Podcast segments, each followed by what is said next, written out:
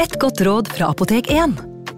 Nå er snart pollensesongen i gang, og et godt råd til deg som sliter med pollenallergi, er å begynne behandlingen i god tid før allergisesongen starter. Da får du nemlig enda bedre effekt av legemidlene, og så blir ikke våren din helt ødelagt. Kom innom og få råd på ditt nærmeste Apotek 1, eller chat med oss på apotek1.no. Apotek 1 vår kunnskap, din trygghet.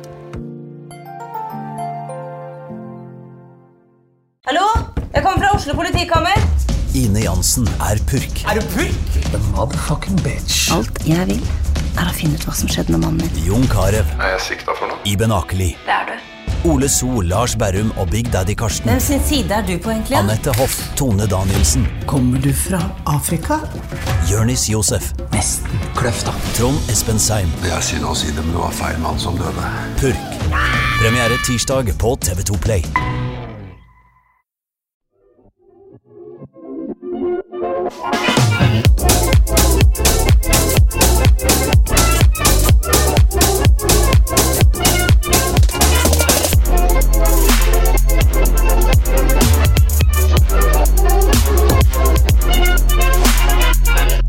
Velkommen til Historiepodden.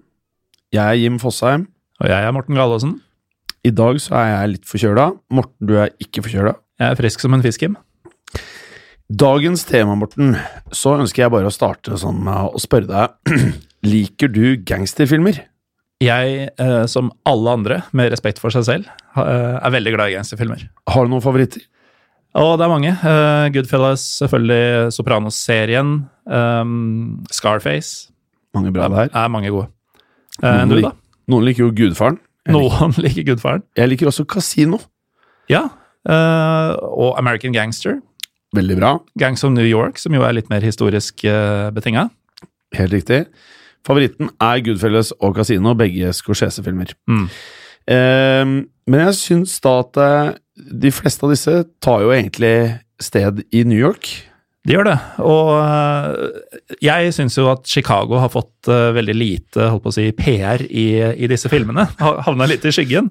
Eh, og for eksempel Al Capone, eh, fra New York eh, for så vidt, men eh, han slo seg jo opp og skapte et navn og ble virkelig kongen i nettopp Chicago. Og den tiden vi skal snakke om i dag, det er jo eh, en tid hvor Chicago virkelig var mafiabyen med stor M. Det var det. Og um, en uant helt for mafiaen var jo politikerne. Ja. Som da vedtok noe som da eh, blir kalt for The Prohibition Act. Også kalt The Volstead Act. Dette var en lov som ble vedtatt i 1919, 1. juli. Også referert til som Thirsty First. Ah, Skjønte du, Gallosen? Tørste første. Mhm. eh, og de ble voldsomt tørste. Det var et eh, voldsomt behov etter eh, alkohol i USA. Så The Volstead Act var for å legge forbud mot å produsere og konsumere alkoholholdig drikke over 1,28% For en kjip lov. Veldig kjip lov. 1920 trådte loven i kraft for fullt, der man stengte eksisterende destillerier. Barer fikk ikke lenger lov til å selge øl, vin, sprit, og en nasjon av alkoholkonsumerende amerikanere møtte et enormt behov som de lenger ikke kunne få tilfredsstilt innenfor amerikanske lover. Det man ikke visste på denne tiden, var at eh, The Wallstead Act, eller eh, forbudstiden, som, eh, den, den var avsparket til en eneste lang mafiafest for Chicago, som var preget av mye gjengkriminalitet, der utpressing, prostitusjon, ran og vold eh, var langt fra uvanlig. Eh, hadde gjengene akkurat nå fått et mye mer lukrativt virke, eh, som de kunne hoppe på. De kom rett og slett til et dekka bord. Et bord dekka, fylt til randen med sprit. Mm, whisky, cognac. Hadde det vært i Norge, så hadde vi hatt litt uh, av din favoritt.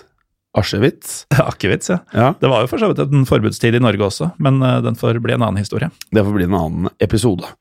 Um, og det som da selvfølgelig gikk opp for mange av disse gangsterne, det var jo at destilleriene, de sto jo der.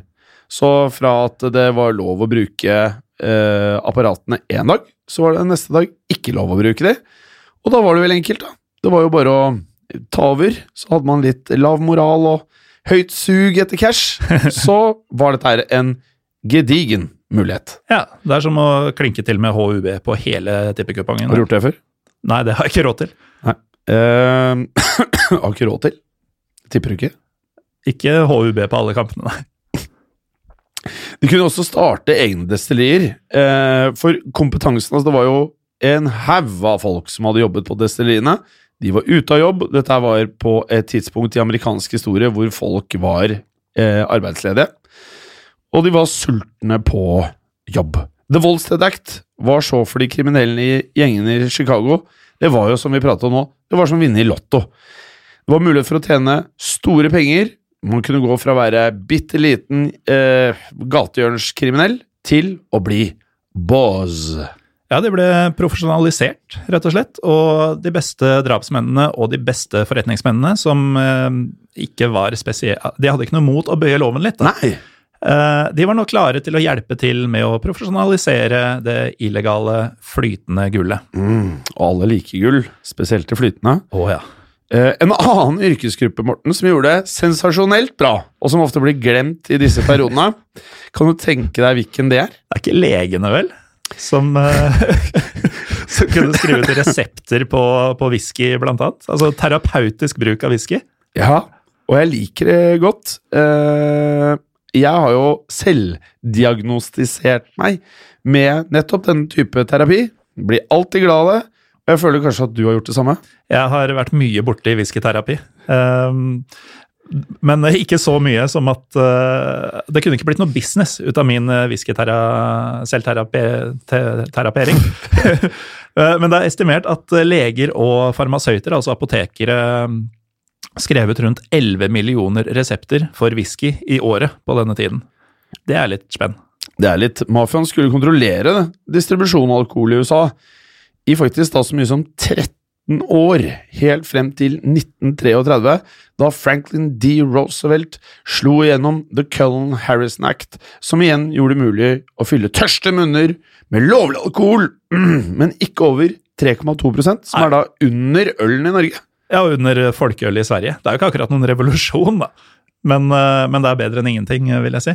Men eh, over til eh, hvordan det ble til at mafiaen i Chicago eh, sto for noen av de mest voldelige periodene i Chicago noen gang. Sterkt hjulpet av politikerne sine reguleringer. Velkommen til Mud City i 1920.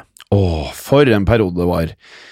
Vi skal eh, se spesielt på eh, den irske delen av Chicago i denne episoden. Mm. Og så kan vi jo gi et lite hint om at det kanskje kommer en episode om, som er mer retta mot den italienske delen av mafiaen i Chicago. Ja, og kanskje et lite hint til, at den kommer i nær fremtid. Å, sier du det? Det er ikke rent uh, Ja, der er, du, der er du spot on, faktisk. Uh, den irske uh, delen av Chicago var de som på sett og vis profesjonaliserte det å drive ulovlig alkoholvirksomhet i prohibition-eraen. De irske gjengene gjorde nesten sømløst, det at man gikk fra um, å ha et land hvor alkohol var lovlig, man kunne få det når man ville, til å gjøre ulovlig alkohol tilgjengelig for store mengder av samfunnet. De gjorde det bedre enn noen andre, og det var spesielt innenfor den irske mafiaen det som senere ble kalt for The North Side Gang. Gjengen besto stort sett av småkriminelle, som vi pratet om. Det var lommetyver, innbruddstyver Altså det du hadde bare sett på, sikkert på den tiden, som Vinningskriminelle? Ja. Smågutter også. Eh, kanskje ikke den typen kriminalitet man tenker på som, som er et godt utgangspunkt for å dominere en hel by, som var faktisk det som skjedde. Men da var det én person ved navn Dean O'Banion, en irsk-amerikansk gangster, som ble og var leder av The Northside Gang helt fra dets spede begynnelse. Hovedkonkurrenten her var jo selvfølgelig den italienske mafiaen, som vi kommer tilbake til i en annen episode, ledet av John Torrio og den kanskje mer kjente Al Capone sin gjeng, og den var kalt The Chicago Outfit. Jævlig kult navn, by the way. Jævlig kult navn. Uh, men i amerikansk populærkultur så er det gjerne mafiaen med italiensk opphav, da, som vi da ikke skal fokusere veldig på i dag. Som får mest oppmerksomhet, men lenge var det, fant vi ut, irene som regjerte i byen. Og historien til O'Banion den kunne ikke ha vært mer som starten på en uh, gangsterfilm av Martin Scorsese. Han var oppvokst i en del av Chicago som het Kilgubbin. Jævlig kult navn. Det høres jo ekstremt irsk ut, bare det. Ja. Og hardt. Ja, og det var tydeligvis hardt, for det ble, vet du hva det ble kalt? Nei. Det ble kalt Little Hell, oh. på godt norsk. Lille helvete. Nettopp. Et område dominert av irer, og som navnet på gjengen hans vitnet om, var dette da på nordsiden, the north Ja. side, av Chicago. Og Banyan, som ung, han var ikke, ikke sånn umiddelbart den du tenker på som den tøffeste. Han eh, sang i et kirkekor Ja. i Chicago Holy Name Cathedral, før han heller etter hvert eh, forlot kirkekoret for å bruke tiden sin på eh, vi kan kalle det gateaktiviteter. Ja. Han hadde også et eh, kallenavn, og det kommer til å komme mye fete kallenavn. ja, det er helt nydelig! Det er som en Scorsese-film, hele historien. Det er det, altså. Um, Dino Banyans kallenavn var altså Gimpy. Ja. Uh, Venstrebeinet hans var nemlig noe kortere enn det høyre, Ja. og han, det var da merkbart på gangen hans, eh, blant annet. Um, han ble sammen med sine bestevenner med en lokal gjeng, som på den tiden het The Market Street Gang. De spesialiserte seg på å rane svarte markeder i Chicago. Som det var mange har skjønt. Ja, og med svarte marked så mener vi da markeder der stjålne varer blir eh, omsatt. Um, kanskje litt som Brugata her i Oslo, bare ganger tusen sikkert. Ja. Der vi spilte inn podkast tidligere. Ja. Eh, også dette er jo egentlig som tatt ut av en Scorsese-film. Um, vi kan kanskje legge ut noen bilder på Instagrammen, uh, Jim? Det syns jeg. Og til denne episoden her, og den kommende episoden eh, med italiensk mafia, så er det masse juicy saker vi må legge ut både på Instagram og Facebook. fordi det å kunne se bildene av de gutta her, og hva de faktisk gjorde, og bilder av våpnene, hvordan de kledde seg, det gir det inntrykket av liksom, den glorifiseringen av mafiaen på denne tiden. Den gjør det, og dette er et godt tidspunkt for å nevne at det er Historiepodden Norge i ett ord, både på Facebook og Instagram. Veldig bra, Morten. Nå er du rutinert. Ja, begynner å bli. Og Facebooken ser jeg du har kommet godt i gang med.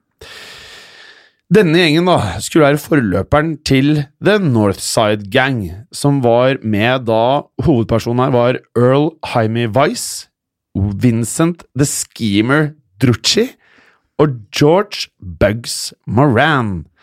De gikk gradene, de gikk gateverdenen av Chicago. En av de to hovedinntektene deres var faktisk fra noen av de største avisene i Chicago. Det hadde du kanskje ikke trodd. Fra avisene, nei? Nei, Nei, det, det er litt sjukt. hvordan da? Eh, altså Det de gjorde da, det var på bestilling fra avisene selv. Så banket de opp avisselgerne til avisen. Avisene ba denne gjengen om å banke opp sine egne selgere. Helt riktig. For det her var jo da en eh, gammeldags måte å fortelle avisselgerne som var slappe, og som var dårlige på salg, til å get their shit together. Fordi det var akkurat det de eh, gutta her var hyra inn til å gjøre. Det var for å skremme avisselgerne, og for å få de til å skjerpe seg og selge mer for avisene. Jeg har aldri sett på meg selv som noen naturlig god selger, Nei, har du ikke? eh, men jeg har heller aldri tenkt at eh, grunnen til at jeg ikke er en bedre selger, er at jeg har fått så lite juling. Nei, jeg, jeg føler at eh, det kanskje ender med at man slutter i jobben sin, da. Ja. Og til historien, så Dette er jo ikke små aviser de jobba for. Så til å begynne med så jobbet de for The Chicago Tribune. Men de gikk jo da selvfølgelig over til The Chicago Examiner, ettersom de ble betalt enda mer penger av The Chicago Examiner.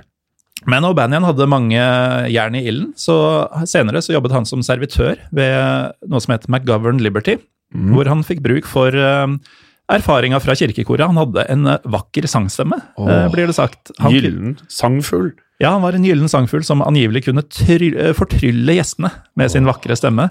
Uh, mens resten av gjengen da, uh, gikk rundt og rundstjal alle jakkene til gjestene i garderoben. Så det er jo denne de- så jo enhver mulighet til å tjene penger. Uh, og Banyan ble også en ekspert på det som kalles å spike drinkene til Ja. rike gjester. Um, det finnes et annet begrep for uh, spi altså, å spike en drink, er jo da å ha et eller annet i drinken som knocker deg ut, sånn at man kan gjøre uh, fryktelige ting. Gjerne i dette tilfellet stort sett å stjele, da. Ja. Uh, men det er et annet uttrykk for å spike drinker, hjem. Har du hørt det? Ja, Slipper dem med Mikey. Men Mickey Mickey er det. Ja. Slippende med Mickey. Slipping them and Mickey. Uh, men jeg veit hvor det kommer fra. Ja, okay. uh, det har jeg funnet ut, fordi det, det var ikke et gammelt begrep på denne tiden. Det var en uh, bartender på en bar som het The Lone Star Saloon i Chicago. Han jobba rundt århundreskiftet 1800-1900 Ja, det århundreskiftet. Han het Mickey Finn. Oh, så det er han ah, Å, for et ærefullt um, uttrykk å bli oppkalt etter. Ja, ikke sant? Det er ikke noe Eller å, sånt. bli, å få etter seg. Ja, det er ikke ikke noe sånn cockney rhyming slang. Det er faktisk oppkalt etter en fyr som mm. hyppig skal ha dopet ned gjester for å ranne dem. Et gatetriks som Aubanien O'Banion videreførte og perfeksjonerte. Nydelig, da. Så til det høyeste man kom som gjengmedlem i første tiåret på 1900-tallet, det var å utføre oppdrag på bestilling fra politikere. Der The Street Market Gang fikk i oppdrag å true, bruke vold og alt annet de måtte gjøre for å styre valgresultater i favør av politikerne som faktisk bestilte disse eh, eh, oppgavene fra eh, irene. Ironisk nok hadde de kommet i kontakt med disse politikerne gjennom å jobbe i avisene med å banke opp folk. Ja, Nydelig. 1920, da gikk The Street Market Gang fra å være smågangstere til å bli gangsterbosser, som nå har gjort de historiske for alltid. Vi sitter jo her i Historiepodden og prater om de. Nesten 100 år etter. Nesten 100 år etter. Ja, ett år unna bare. Mm. For så fort The Volstead Act var vedtatt, gjorde O'Bannon en kjempebestilling, han. Han bestilte haugevis av øl fra Canada. Ganske irsk triks, føler jeg. Veldig irsk. Bestille masse alkohol. Ja, øh, denne skulle komme regelmessig til Chicago, Chicago eh, og dette gikk så bra, det var så høy etterspørsel, at det tok ikke lange tiden før det gikk rett over til å også bestille hardere varer. Og eh, gin og whisky skal være det de eh, konsumerte mest av i Chicago-området. Det var jo ikke um, bare O'Banion og gutta som, eh, som så at dette var eh, bød på store muligheter. Så måten O'Banion og gjengen hans tok kål på rivaliserende gjenger som prøvde å gjøre det samme, og slå seg opp på bootlegging, som er et mye fetere uttrykk enn spritsmugling. Og de fleste av disse ordene som vi bruker, er fetere på engelsk. Engelsk er generelt et kulere språk enn norsk, men uh, vi fortsetter å Vi prøver å holde oss til norsk Ja, hovedsakelig, da. Ja, du er veldig fan av det, Ja. har jeg skjønt. Men i hvert fall måten de, eh, de slo eh, de rivaliserende gjengene på dette, var å rane leveransene oh, til genialt. konkurrentene. Og dette her ble de jo eksperter på. Fra deres første ran, som var i 1921, så The Market Street Gang fikk seg heftigere navn. De ble i perioden kalt for The Lads of Kilcopen. Mm. Men så skulle de raskt gå over til å bli det vi refererer til dem som i eh, våre dager, som er The Northside Gang. Som jeg syns Jeg hadde kanskje foretrukket The Lads of Kilcopen. Ja, Det er på en måte det døveste navnet de har uh, landa på, men, eh, men det er i hvert fall det som ble sittende, da. Ja.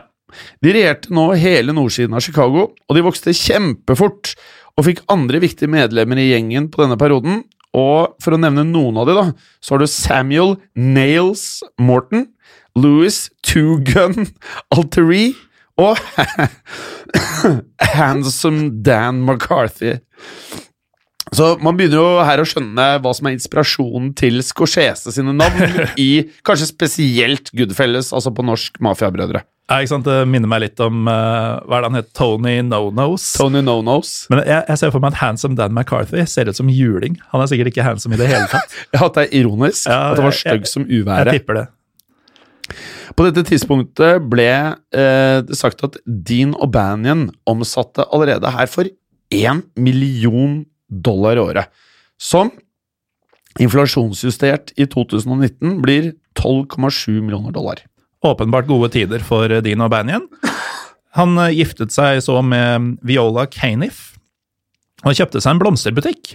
Um, så man tenker det, dette er eh, noe han trenger. Han trenger et lovlig dekke, et cover, for all den ulovlige virksomheten. Men uh, Dean O'Banion var faktisk, i tillegg til å ha en gullstrupe fra kirkekoret, visstnok en ekspert på blomsteroppsatser. Han var utrolig glad i blomster. Så eh, synging og blomster. Ja, og drap og ran og smugling. Schofields het butikken hans. Det her ble ironisk nok blomsterbutikken som all mafia i Chicago Hør på det her. Foretrakk å handle begravelsesbuketter fra. Det er nesten for sjukt. Ja, det er faktisk for sykt. Um, Ja, så mange da, var det som faktisk ble drept i 20-årene, at butikken skal ha vært fylt med begravelsesbuketter. De sto altså klare. Det er sånn som Mækkern i gamle dager. De bare lagde en haug med Big Macs fordi de veit at de går unna i det tempoet. Ja, altså fast food av begravelsesbuketter. I andre enden av byen, på Southside, var det en annen gjeng som vi prata om, Chicago Outfit. Som igjen, hver gang jeg nevner det, det navnet, det er Det sitter. Ehm, som også gjerne ønsket å få en del av denne lønnsomme virksomheten som O'Banion nå hadde bygd opp. De ønsket nemlig å kjøpe en del av destillerien hans, noe han selvfølgelig nektet dem for. For hvorfor i all verden skulle han selge dette her til det som ville bli en konkurrent, da? Og da, som vi nevnte tidligere, John Torrio var sjefen her. Eh, han skal da angivelig ha vært i møter med O'Banion, mens O'Banion han var så breial at han I alt av det vi har fått med oss av informasjon her, så gikk det nesten sport for O'Banion i å leke, tulle, erte og kanskje også mobbe italienerne. Det er så dårlig idé, da. For i møtene så blir det beskrevet som at han fornærmet dem i enhver setting han hadde muligheten for, da. Og temperaturen, som du kan tenke deg, bare det man har sett av mafiafilmer, så økte jo temperaturen for hvert eneste møte irrene og italienerne hadde. Irene må ha vært noen voldsomme tøffinger, for uh, altså Erte å leke med John Torrey og Al Capone og den gjengen der, da, da er du seriøs. Det stemmer, fordi The Northside Gang var også freidige og uredde nok til å rane mange av leveransene til The Chicago Outfit. og ikke nok med det. Når de hadde rana alkoholen deres, så solgte de alkoholen tilbake til Torrio italienerne. Dette er jo han uh, som solgte Eiffeltårnet og den sheriffen fra Texas igjen. Ja, litt den stilen, bortsett fra at her vet jo alle hva som Jeg, jeg føler at de, har jo, de må jo ha forstått hvem som rana dem, og hvor alkoholen de solgte tilbake til dem, kom fra. En skulle jo tro det. Uh, uansett, da, fra O'Banion sin tid som gatebølle, hvor han og gjengen uh, banka opp avisselgere, Ja. så hadde det nå opparbeidet seg mange kontakter og venner, uh, altså vi har nevnt politikere, men også i politiet. Jaha. Og så tett skal The Northside Gang ha stått Chicago-politiet at uh, Dino O'Banion på et tidspunkt holdt en bankett for politiet. Hvorfor ikke? Og denne uh, kalte pressen for Belshazzars Feast. Jaha. Eh, og det syns jeg hørtes så rart ut at jeg måtte sjekke hva det betydde. Ja. Uh, det er rett og slett en bibelreferanse. Ja. En, uh, en bibelsk figur ved navn Belshazzar skal ha holdt et festmåltid etter å ha plyndret til seg masse mat og drikke under ødeleggelsen av Solomons tempel. Ja. En herlig parallell, vil jeg si. Godt jobba av Chicago-pressen. Og godt jobba deg, Gallosen, som fikk tak i dette her. Det er mange eksempler her på at politiet og The Northside Gang skal jobbe til fellesskap. Og kanskje det jeg bet meg mest merke til, var et fra 1924. Da de sammen ranet Sibley Distillery, som hadde vært under føderal beskyttelse siden The Volstead Act. Sammen, altså The Northside Gang og politiet. Ja. og det verste var at eh, de gjorde dette her på lyse dagen. Og de kom seg av gårde med 1750 flasker med whisky. Og verdien her blir da sagt å være på 100 000 dollar, som da er 1,3 millioner dollar i dag. Og i Norge, i kronasjen vår, så blir det 11,3 millioner kroner. Politibetjentene som var involverte, skal jo selvfølgelig da ha blitt etterforsket, men alle saker ble da altså avvist. Og på dette tidspunktet her, da, så hadde forholdet til The Chicago Outfit forverret seg drastisk. Det skjønner man jo når man hører åssen O'Banion holder på med dem. Definitivt. Men O'Banion og Torrio de skal da ha funnet ut det, og det husker man jo fra veldig mange mafiafilmer, man inngår da en allianse.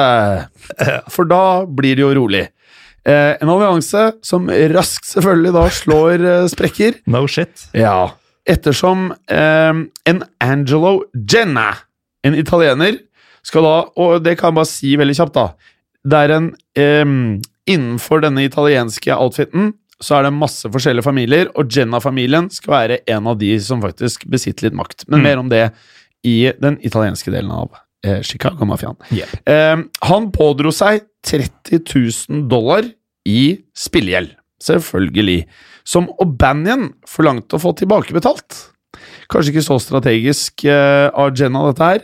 Torrio overtalte Jenna til å tilbakebetale dette, som et tegn på at han ønsket at alliansen deres skulle fungere.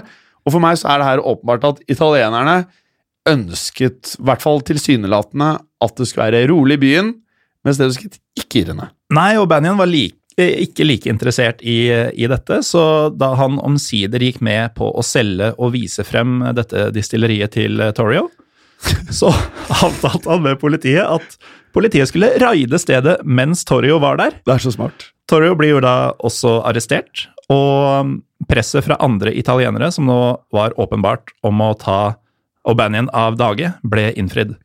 Eh, det ble rett og slett sånn at eh, Jenna fikk i oppgave å drepe Dean O'Banion. Der O'Banion trivdes som best, var jo i den nevnte blomsterbutikken sin.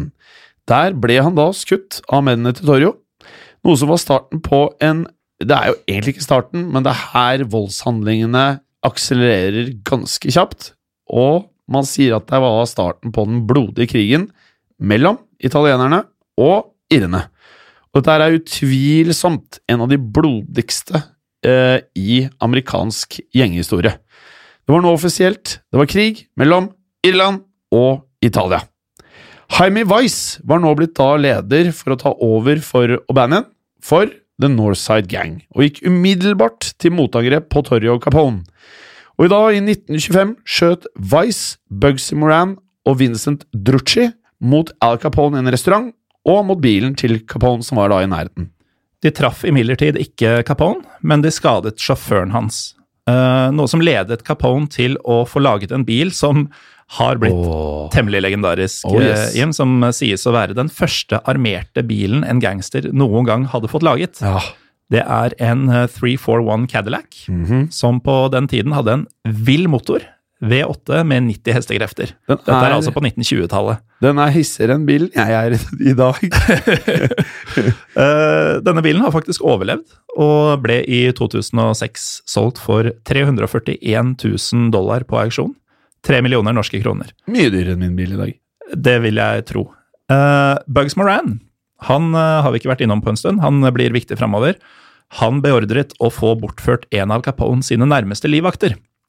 en livvakt som skal ha blitt voldsomt torturert, helt til de fikk info om hvordan de kunne komme nærmere Al Capone eller Johnny Torrio. Og dette ledet da til at Vice, Moran og Drucci fant Torrio mens han var ute og shoppet med sin kone. Torrio-sjåføren skal bli truffet av kuler flere steder på kroppen. Da Bugs Moran hadde klar bane til å skyte Torrio, skal pistolen hans ha kilt seg. Det er Det her er som en film, ass. Ja. Og Moran måtte jo da løpe av gårde fordi politiet var på vei. En ordentlig ordentlig gangsterfilmscene, som du sier. Definitivt. Dette skremte Torrio til å pensjonere seg, og han pensjonerte seg til Brooklyn. Og Capone var da mannen som fikk ta over kapteinspinnet her. The Northside Gang ga seg selvfølgelig ikke. Først drepte de da Angelo Jenna, som ble skutt i hjel av Bugs Moran. Så ble Mike The Devil Jenna skutt av politiet, etter at de skal ha funnet han etter en skuddveksling med da Moran. Det gikk greit for seg på denne tida. Ja, men å bli kalt The Devil det blir ikke harde Djevelen. Og så må du jo tenke, hva slags folk er det som kaller deg The Devil? Jo, det er de jævligste drapsmennene i ja. hele USA omtrent. Ja, så når de mener du er det verste som eksisterer Så drepte Druchi Samuzzo Samuz Samuz er kallenavnet. Så Samuz, Samuzzo Samuz Amatone. Så den siste Jennan som er igjen Som sagt, vi prater om dette her dette var en viktig mafiafamilie maktmessig i Chicago. Anthony Jenna skal så ha blitt myrdet, men Man tror kanskje det var Irene? Nei, ryktet var at det var Capone som fikk han drept. For han ønsket jo selvfølgelig full kontroll over Southside, og det sier litt om hvor amerikanske ordet 'ruthless' føles så digg å bruke i denne sammenheng. Han var hensynsløs. Han var det. Og på dette tidspunktet var det kun to gjenger igjen verdt å snakke om. The Northside Gang i nord, naturligvis, og Capones Chicago Outfit i sør. Northside de beordret et nytt drapsforsøk på Al Capone, Og ved en restaurant i Cicero skal Capone og livvakten hans ha måttet kaste seg til gulvet, og så vidt kommet unna med livet i behold. Og hva gjør man når man er i en presset situasjon midt i en mafiakrig? Jo, man søker våpenhvile. Som varte en stund, helt til Capone fikk eh, Vice og en del soldater skutt. Drucci og Moran ble nå ledere for eh, den irske banden, og det resulterte i en fullblodskrig. Det er nå det tar helt av, ikke sant? Det tar helt av. Det skal ha vært bomber, det skal ha vært granater, og selvfølgelig store mengder med maskingeværskudd. De stiftet branner i hverandres restauranter, og det skal ha vært den, vært den desidert verste dokumenterte drapsbølgen Chicago hadde sett, selvfølgelig opp til dette tidspunktet her. Helt til de inngikk selvfølgelig da en ny fredsavtale i et møte med mafiabosser fra flere steder i landet.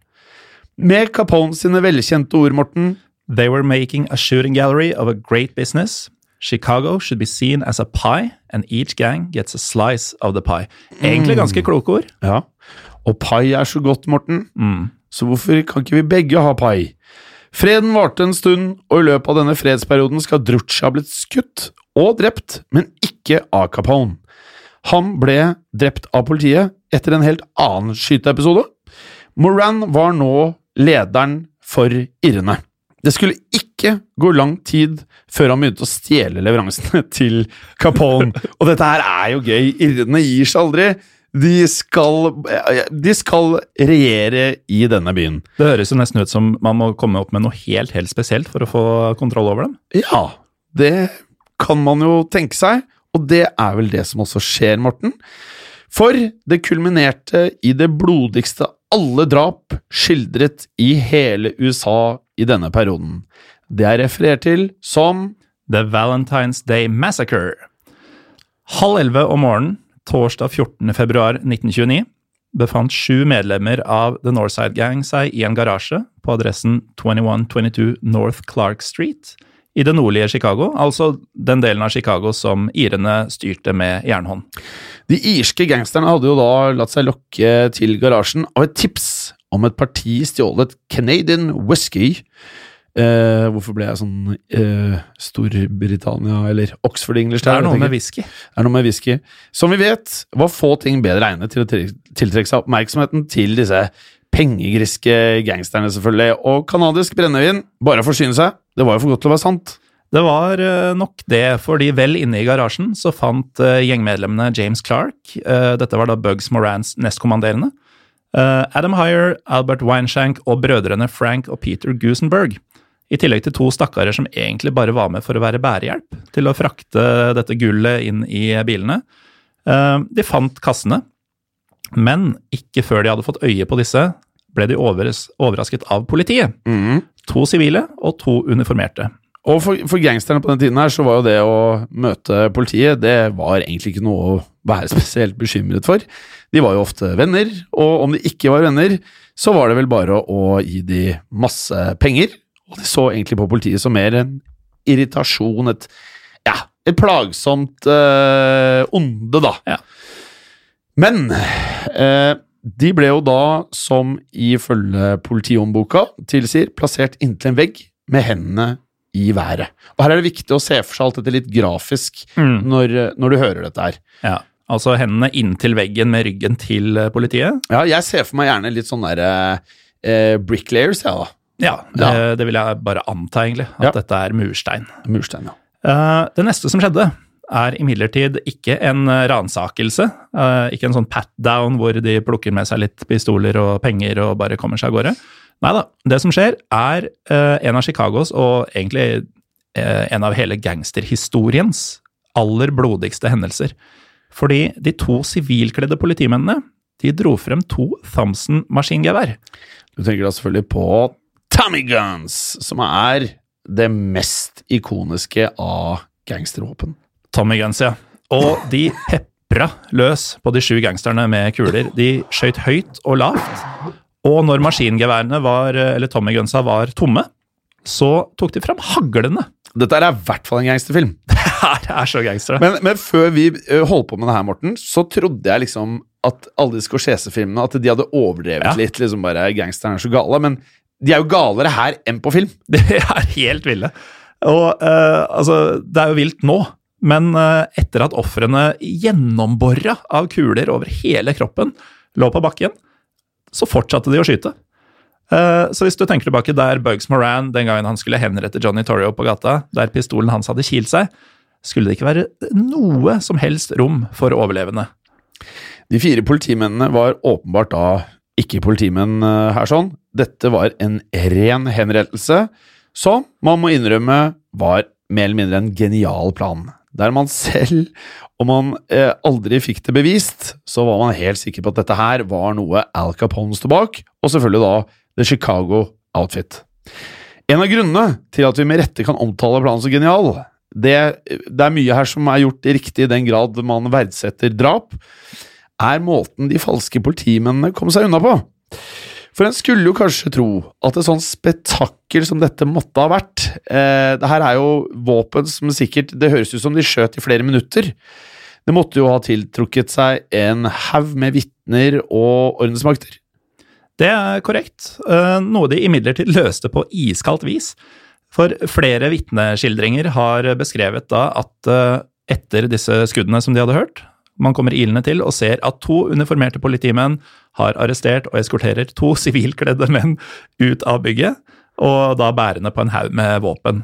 Åpenbart at eh, her har de eh, allerede løst saken og tatt gjerningsmennene. Så de har jo ikke, disse vitnene har jo ikke engang en grunn til å se, ta en ekstra god kikk på de fire, for eh, politiet har jo allerede full kontroll på hva som har skjedd, og de to som de har fakket. Genialt. Helt fantastisk. Helt fantastisk. Eh, til tross for den overdrevne pepringen med kuler Det her er Det her er helt sykt, da. Med det formålet om at ingen skulle kunne overleve, fant det faktiske politiet en mann som faktisk pustet. Dette var harding over alle hardinger, Frank Kusenberg. Frank Kusenberg ble altså funnet i live etter eh, Altså, vi sa de sto og skøyt med Tommy Guns på nært hold, de skøyt med hagle, de fortsatte å skyte Akkurat som en vannslange, bare vannet hagen. Bare så kuler. Ja, og fortsetter å vanne sånn ned i gresset etter at uh, alt har lagt seg. Uh, han, han skulle dø få timer senere, men i et par timer så var han også i live og i stand til å snakke. Og Politiet forsøkte da selvfølgelig febrilsk å få han til å uttale seg om hvem er det som har skutt deg, hvem er det som har skutt deg, gjentatte ganger.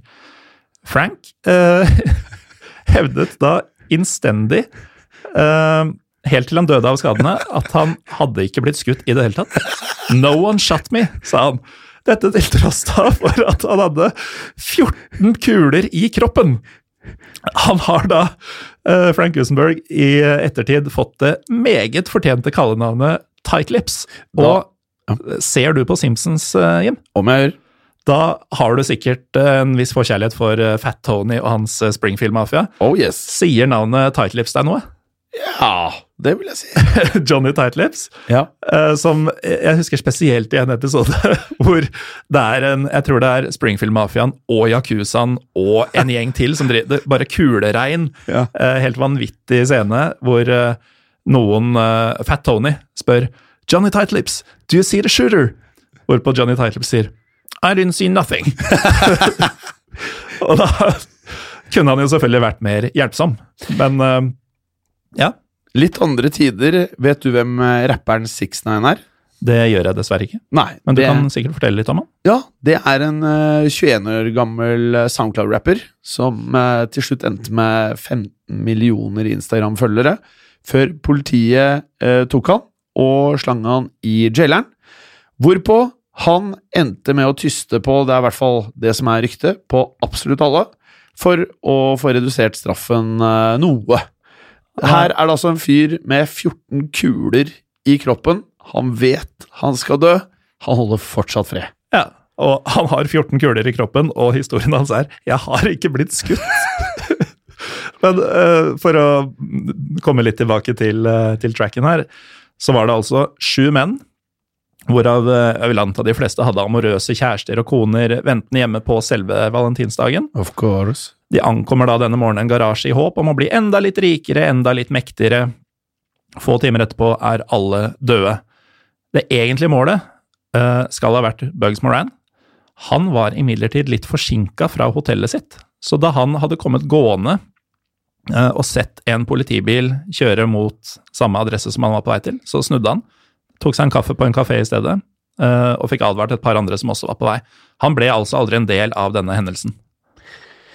Rutinert, eh, kan man si. Mm. Imidlertid hadde da Northside Gang, som man skjønner her, lidd enorme tap. Eh, Det var viktige tap, og de ble egentlig De ble ikke det samme igjen. Og om det var Capone som faktisk sto bak uh, The Valentine's Day Massacre, så hadde planen fungert perfekt, og det var nå én konge. Det var ett outfit, og tronen i The Windy City Chicago var nå hos Al Capone.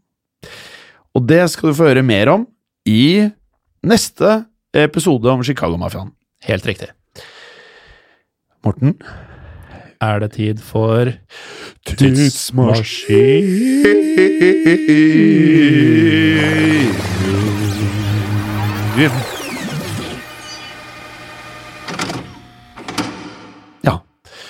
Hva tenker du her, Morten? Ville du satt deg i den Elon Musk-produserte tidsmaskinen vår og dratt deg tilbake til 20-åra under prohibition-eraen? Jeg visste ikke at vi hadde fått sponsor til tidsmaskinen vår. Elon eh, jeg, han vet ikke sjøl. Jeg tenker at det er den eneste jeg kan komme på som kan lage en sånn maskin for oss. Ja, han er vårt eneste håp. Han er vært Eh, eneste håp. Ja, altså, Gjerne, gjerne hvis han tar den Tesla-SUV-en, og at vi kan sitte i den. Det virker behagelig. Så setter han på det han må. Vi uh, snakka litt om eh, Al Capone i en eh, annen episode ganske nylig, og da var det jo fra samme tid, eh, da vi snakka om Victor Lustig og salg av Eiffeltårnet blant mange andre schemes han hadde. Da var vi jo unisont enige om at å reise tilbake til 1920-tallet det ville være meget eh, gunstig for oss begge. Eh, jeg er jo fortsatt der. Hva med deg, Jim? Jeg eh, er jeg, jeg, jeg er så definitivt på tidsmaskinen her. Jeg hadde dratt tilbake imot hva enhver logisk tanke hos meg skulle tilsi.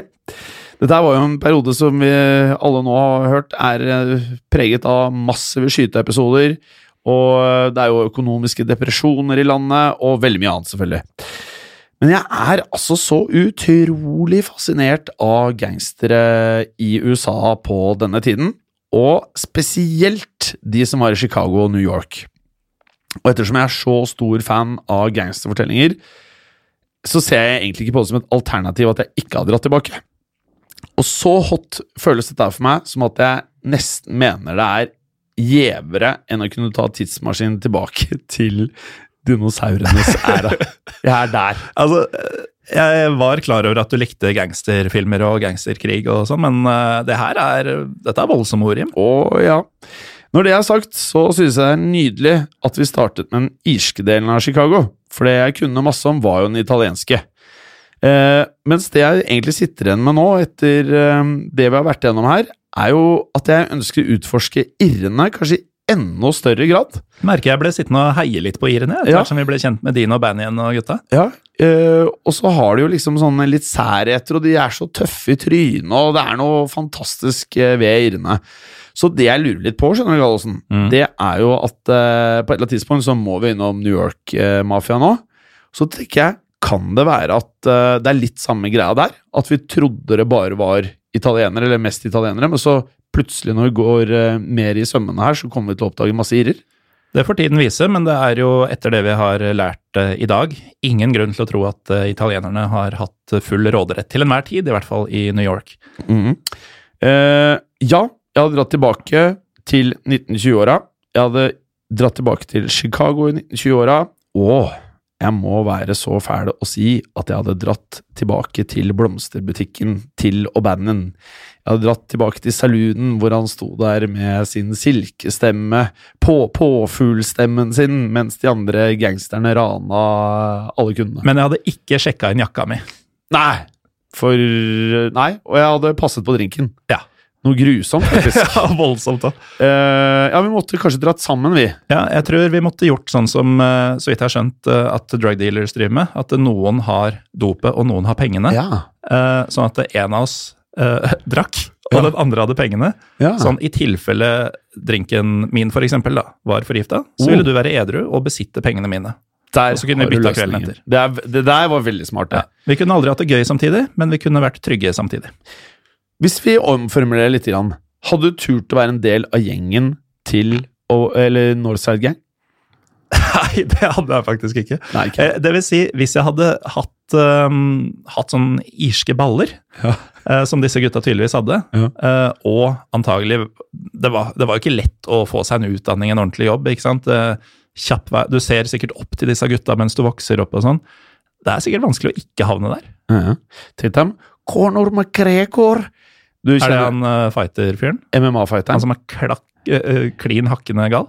Ja, mer businessmann, markedsføringsgeni, vil noen hevde. Men eh, det sier jo litt om den der, det irske blodet i folk. De er noen eh, røffinger, ja. The Fighting Irish. The Fighting Irish. Men dette, vi hadde begge dratt, eller tatt tidsmaskinen tilbake til 1920-tallet i Chicago. Mm. Vi hadde dratt på saloonen til Irene. Vi hadde dratt i blomsterbutikken. Vi hadde kanskje prøvd å komme oss eh, langt tilbake til eh, 2019, før vi gikk fra da 1920 til 1925, hvor det smalt litt for heftig. Ja, og så tror jeg at akkurat uh, Valentine's Day eh, 1929, så hadde jeg holdt meg unna North Clark Street, og i det hele tatt Nord-Chicago. Ja, føles veldig riktig, Morten. Uh, med det så lukker vi nå tidsmaskinen, og nå kommer det snart en liten sånn der eh, trudelutt.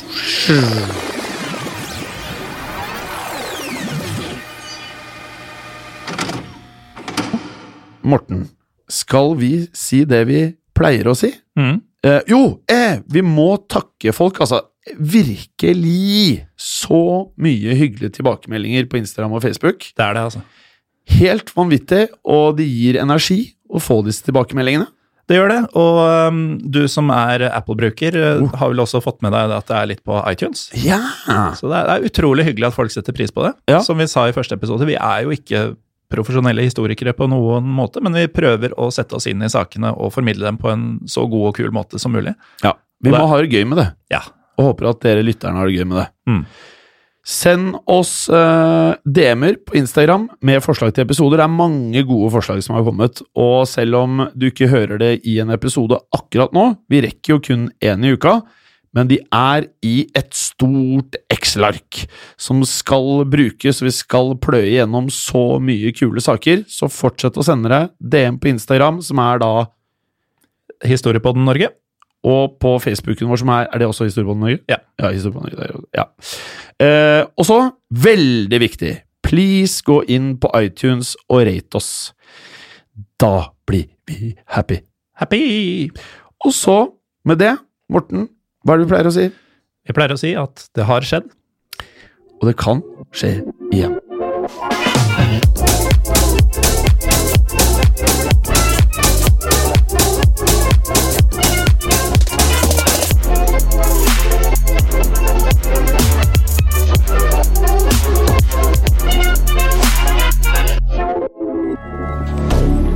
Moderne media. Har du et enkeltpersonforetak eller en liten bedrift? Da er du sikkert lei av å høre meg snakke om hvor enkelt det er med kvitteringer og bilag i fiken, så vi eh, gir oss her, vi. Fordi vi liker enkelt. Fiken superenkelt regnskap. Hei, og takk for at du lytter til Historiepodden. Skulle du ønske at du kunne høre en ny episode av Historiepodden hver eneste uke? Vel, da er det én ting å gjøre. Da kan du laste ned podkastappen Untold med det samme. For i tillegg til ukentlige episoder av podkaster som Historiepodden andre verdenskrig, Henrettelsespodden og også Gangsterpodden, så får du masse annet reklamefritt og også eksklusivt innhold. Last ned Untold i AppStore eller Google Play og start din 30 dagers gratis prøveperiode allerede i dag.